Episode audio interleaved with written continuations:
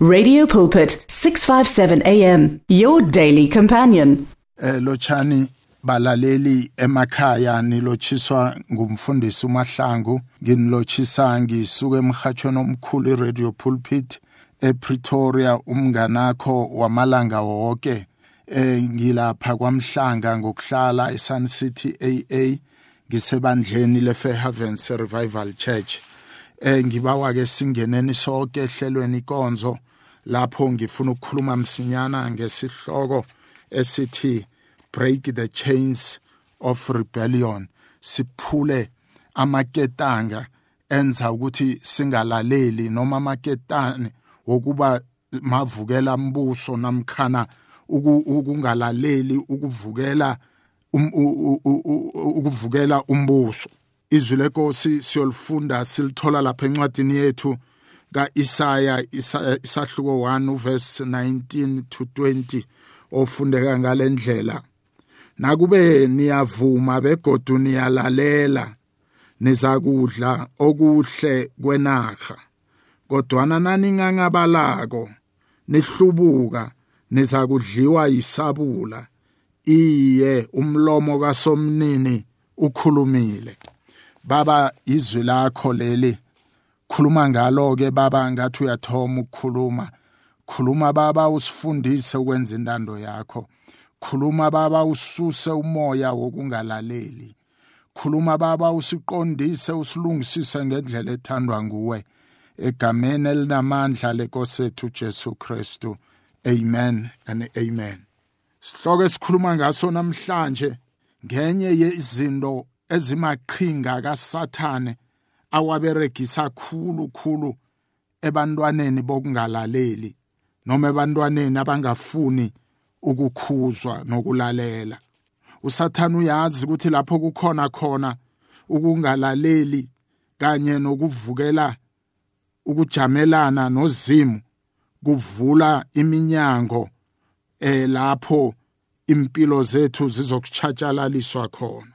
Ukungalaleli kuvula iminyango engifaka amadimoni amaningi empilweni yomzalwane noma empilweni yaloyo owenza lokho. Umuntu nakajamelana nomthetho noma nababusi loyo muntu ulahlile izwi likazimu ngombana uzimu utsho njalo ukuthi sibalalele abaholi bethu ephasini. Phinde izwi lenkosi lithi bantwanyana hloniphani abazali benu enkosini ngoba lokho kulungile ukungalaleli mumoya wamadimoni. Ukungalaleli mumoya ofika uzifake phakathi kwempilo zethu uphile kithi. Sivele siba abantu abambi umuntu avela umuntu ongafuni ukukhuzwa ongalaleli umuntu bazalwana umuntu onenkinga yokungalaleli nokuba nomoya wokuvukela eh, umbuso noma ukuvukela umthetho. Loyo muntu unomoya omumbi othusako nosabekako.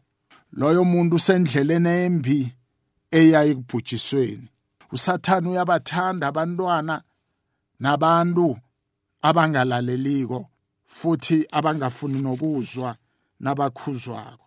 Lokhu kugcina kuholela abazalwana abanengi bethu ekubeni senze izinto ekungakafanele sizenze sibe nenhloko eziqinile.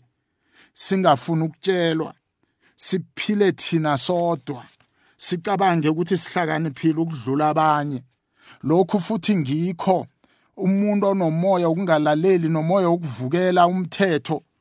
Lo muntu ugqina naye sekasifakwa kanye nalabo abathakathako. Umuntu ongafuni ukukhuzwa nokulalela ugqina ngenwa yimimoya eminingi. Phakathi kwaleyo moya eminingi umoya wosizi. Umoya wokuhlupheka umoya wokuthanda ukulwa umoya ohlala njalo umqindezele angabi nakho ukuthokoza enkosini. Namhlanje ngifuna ukukhuleka nalabo ngizokhuleka nawe. Nangiceda mlaleli ngifuna siwaphule amaketane kasathane. Ngifuna siwaphule amandla walomoya wokungalaleli. Nomoya ukuvukela umthetho ngoba uma umoya ozokwenza ukuthi impilo yakhe ichabalale imumoya oyofaka ibitterness imumoya eyokufaka ukuzikhukhumeza uba umoya oyokwenza ukuthi ube nehliziyo eqinile njengeyelitshe umoya oyokwenza ukuthi ungekhe ukukhone ukungena embusweni kazimu. Sifunda incwadi yezaga 17 efundeka ngalendlela siyayifunda masinyana incwadi yezaga 17 ifundeka ngalendlela kancane mlaleli ekhaya eh egameni elinamandla lenkosethu uJesu Kristu. Ifundeka ngalendlela ke leli lizwi eh kule ncwadi esikhuluma ngayo eh izaga 17 verse 11 ufundeka ngalendlela omumbi nabanga ukuhlubuka uza kunikelelwa uza kunikelelwa ngesithunywa esinolunya. Omumbi nabanga ukuhlubuka umuntu onomoya wokuvukela umbuso nokungalaleli izwi lenkosi lithi loyo uma umuntu omumbi ubanga ukuhlubuka izwi lenkosi lithi uza kunikelelwa ngesithunywa esinolunya. Abanengi bethu size sisuke enkosini ebukhoneni bukazimu sikhambe sithi sinomoya womadlozi sithi sinomoya wokuthwasa bonyana sibe zizangoma. Kanti bazalwane lokhu kubangwa yilo moya uphakathi kwakho. Azange ulalela abazali zange ulalela abotitshere esikolweni azange ulalele muntu impilo yakho yonke wena umthetho wakho ungizwi lakhe. Akunamuntu omhloniphako akunamuntu omlalelako. Wenza njengoba ihliziyo yakho itsho. Namhlanje izwake ngikutshele izwi lenkosi lithi omumbi nabanga ukuhlubuka umuntu ohlala njalo angalaleli ohlala njalo alwa uze afake nabanye ekingeni ukuthi bahlubuke ekukholweni kwabo bahlubuke ekumazini uzimu ngoba yena ubanga ngabomu akafuni ukuba lapho kukhona ukuthula akafuni ukuba lapho kukhona khona uzimu ubanga ukuhlubuka. Izwi lenkosi lithi uza kunikelelwa ngesithunywa esinolunya. Laba abaphumako bakhambe bayokuthwasa bathwasiswa yile sithunywa esinolunya ngombana zange benze kuhle. Zange bamlalela uzimu zange balalele abazali babo zange bamlalele umakhelwane zange balalele muntu. Impilo yabo yonke impilo yomuntu ojamelana nozimu. Namhlanje ngizokhulekela ukuthi uzima kaqine uzima kangavumi ukuthi wena ube nomoya wokuzikhukhumeza ube nomoya wokungalaleli ube nomoya wokuvukela umbuso noma umthetho. Ngiyakhuleka namhlanje ukuthi ungasaphindi impilo yakho yonke yonke into ibe ngawe. Khulekela ukuthi ube nawo umoya wokuzihlola. Khulekela ukuthi ube nawo umoya wokubuyelana nozimu khulekela ukuthi ufune ubuso bukazimu. Fune yena yedwa abulale lo moya ophakathi kwakho. Phule lamaketana kubophileko ngoba usathana uyayazi impilo yethu. Usathana uyazazi nezinto ezisihlulako. Usathana ungena empilweni zethu ngale zinto ezisibhalelako.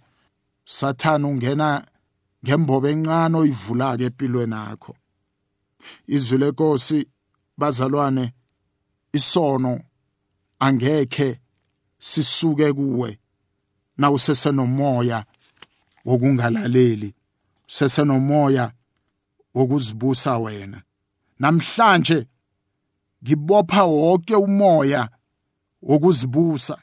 Ngibopha wonke umoya wokuvukela umthetho wokuvukela abazali. Ibopha wonke umthetho wokungalaleli empilweni yakho ngiyawuphula ngiyawuqitha lo moya. Ngiyawudestroya ngegama elinamandla lenkosi yethu Jesu. Sathana kanalungelo phezu kwempilo zenu. Sathana ngekhe aphinde ayibuse impilo yakho na uyolalela ulenze nokulenza izwi lenkosi. Elikhuluma kuwe namhlanje. Namhlanje ngiyamemezela ukuthi wena uzokuhamba ngezindlela zikazimu ugqine nemithetho yakhe wenze konke uzimo athi ukwenze. Namhlanje ngiyakhuleka ukuthi uzimo akabe nomusa kuwe uzame ngamandla ukulahla umoya wokungalaleli nomoya wokuzibusa egameni nasegazini lenkosi ethu Jesu Kristu. Uzima kasisize balaleli emakhaya ukuthi ungasaphinde sibe phakathi kwesimo lapho ungalaleli khona lapho ufuna wena ukwenze yakhe intando ungalaleli abazali ungalaleli uziphethe wena ngoba abazalwane ekugcineni lo moya umumoya kaSathane umumoya lo owenza ukuthi izinto eh, zingenzeki ngendlela ekufanele zenzeke ngayo empilweni yomlaleli. Ubungcwele ngibobodwa obuzokusiza ukuthi uzinikele ngokuphelela ebukhoneni bukazimi bese umoya ophila kuumoya ubumnyama umoya kaSathane bese uyasuswa egameni elinamandla lenkosi ethu Jesu Kristu. Sengigcina ke bazalwane ngifuna ukuthi ngikhuleke nawe ungavumi ukuthi ufane nabantu aba izwi lenkosi elikhuluma ngabo namhlanje lapha sifunde khona ukuthi uma ungenzi kuhle ungalaleli angekho ukudla okuhle kwenaga kodwana uzokubulawa isabula nalabo ababanga ukuhlubuka izwi lenkosi lithi bawukuthunyelwa ngesithunywa esinelaka elimbi. Bawukuthunyelwa ngesithunywa esinelunya banengi uzimo esekabathumele banengi lesi sithunywa esinolunya sesibatholile. Na ungabheka eSouth Africa kulezi zinsuku nakulesi sikhathi abanengi bazokutshela ngomoya wamadlozi ngomoya wokufuna ukuyokuthwasa ukuthi bona kunalowo moya abanawo kodwana into engifuneka siyitsho ukuthi umoya oza ngebanga lokungalaleli oza ngebanga lokungafuna ukukhuzwa oza ngebanga lokuthi abazalwane noma abalaleli bafuna ukuzibusa bona. Bangalaleli abazali bangalaleli laba ababaphetheko. Moya ukuvukela umthetho nokungalaleli mumoya omumbi. Ongayiceda impilo yomzalwane noma yomuntu ephasini. Incwadi esiyifundileko ka Izaga 17 eh lapha sifunde khona ku11 omumbi nabanga uhlubuka uza kunikelelwa ngesithunywa esinolunya manje ngibawa labo abathi mfundisi sifuna ukubuyela kuzimu. Ngifuna ukuhlukana nomoya wekani. Ngifuna ukuhlukana nomoya wokungalaleli. Ngifuna ukuhlukana nomoya ongenza ngivukele umthetho. Ngingakhuzeki. Na ukhona wena unjalo? Phakamisa isandla ekhaya. Ngizokhuleka nawe.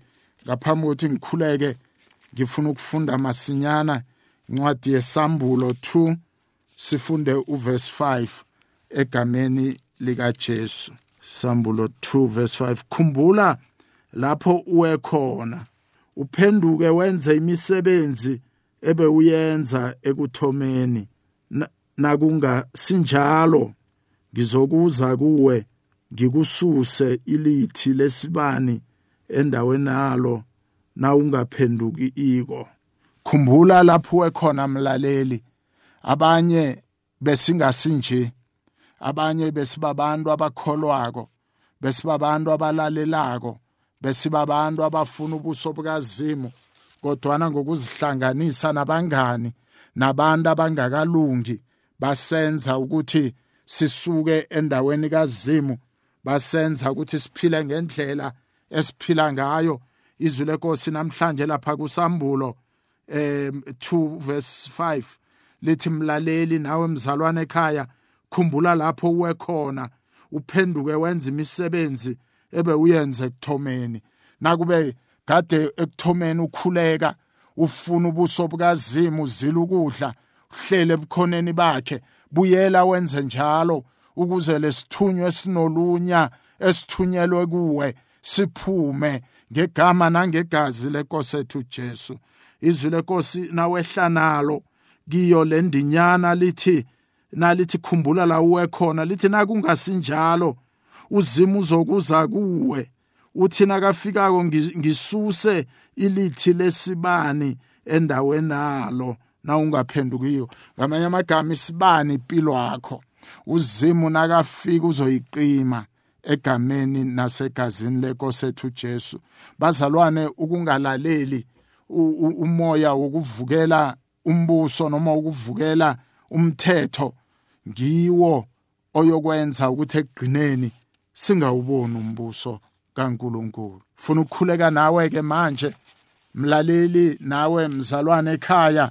Funa ukukhuleka nawe phakamisa izandla zakho. Mawuthi mfundisi kwamambala ngingenwe sithunywa esinolunya. Ngebanga lokuthi akhenge ngilalele ngebanga lokuthi akhenge ngifuna ukukhuzwa ngebanga lokuthi ngifuna ukwenza ngendlela mina engifuna ngayo. Namhlanje babe egameni elinamandla lenkosi yethu Jesu naba abantwana bakho baba baphakamisa izandla. Bayavuma ukuthi bababonile abahambanga kahle endleleni yabo yokukholwa. Bayavuma ukuthi baba ngelinye ilanga basuka lapho baba bebahlezi khona. Benza uNkulunkulu wami lokho abakwenzayo kulesi sikhathi. Ngiphula baba umoya werebellion. Ngiphula umoya wokuvukela ngiphula umoya wokungalaleli ngiphula umoya wangqondombili egameni nasegazini lenkosi yethu Jesu. Baba ngibopha umoya womnyama ngithatha baba amandla wawo ngiyawuphula ngiyawuqitha. Moya baba ukuvukela nokungalaleli gameni elinamandla lenkosi yethu Jesu. Baba namhlanje xolela baba izono zethu. Xolela baba abantwana bakho. Baba bese namhlanje ubathethelele ubaphe ukuthula. Suse baba konke ukuhlangahlangana empilweni zabo. Babe bantwana bokulalela. Babe bantwana baba bafuna ubuso bakho egameni nasegazini lenkosi yethu Jesu. Amen. And amen. Hallelujah. The words of the Lord are words of life. Your heart is on 657 AM 657 AM radio for believers in action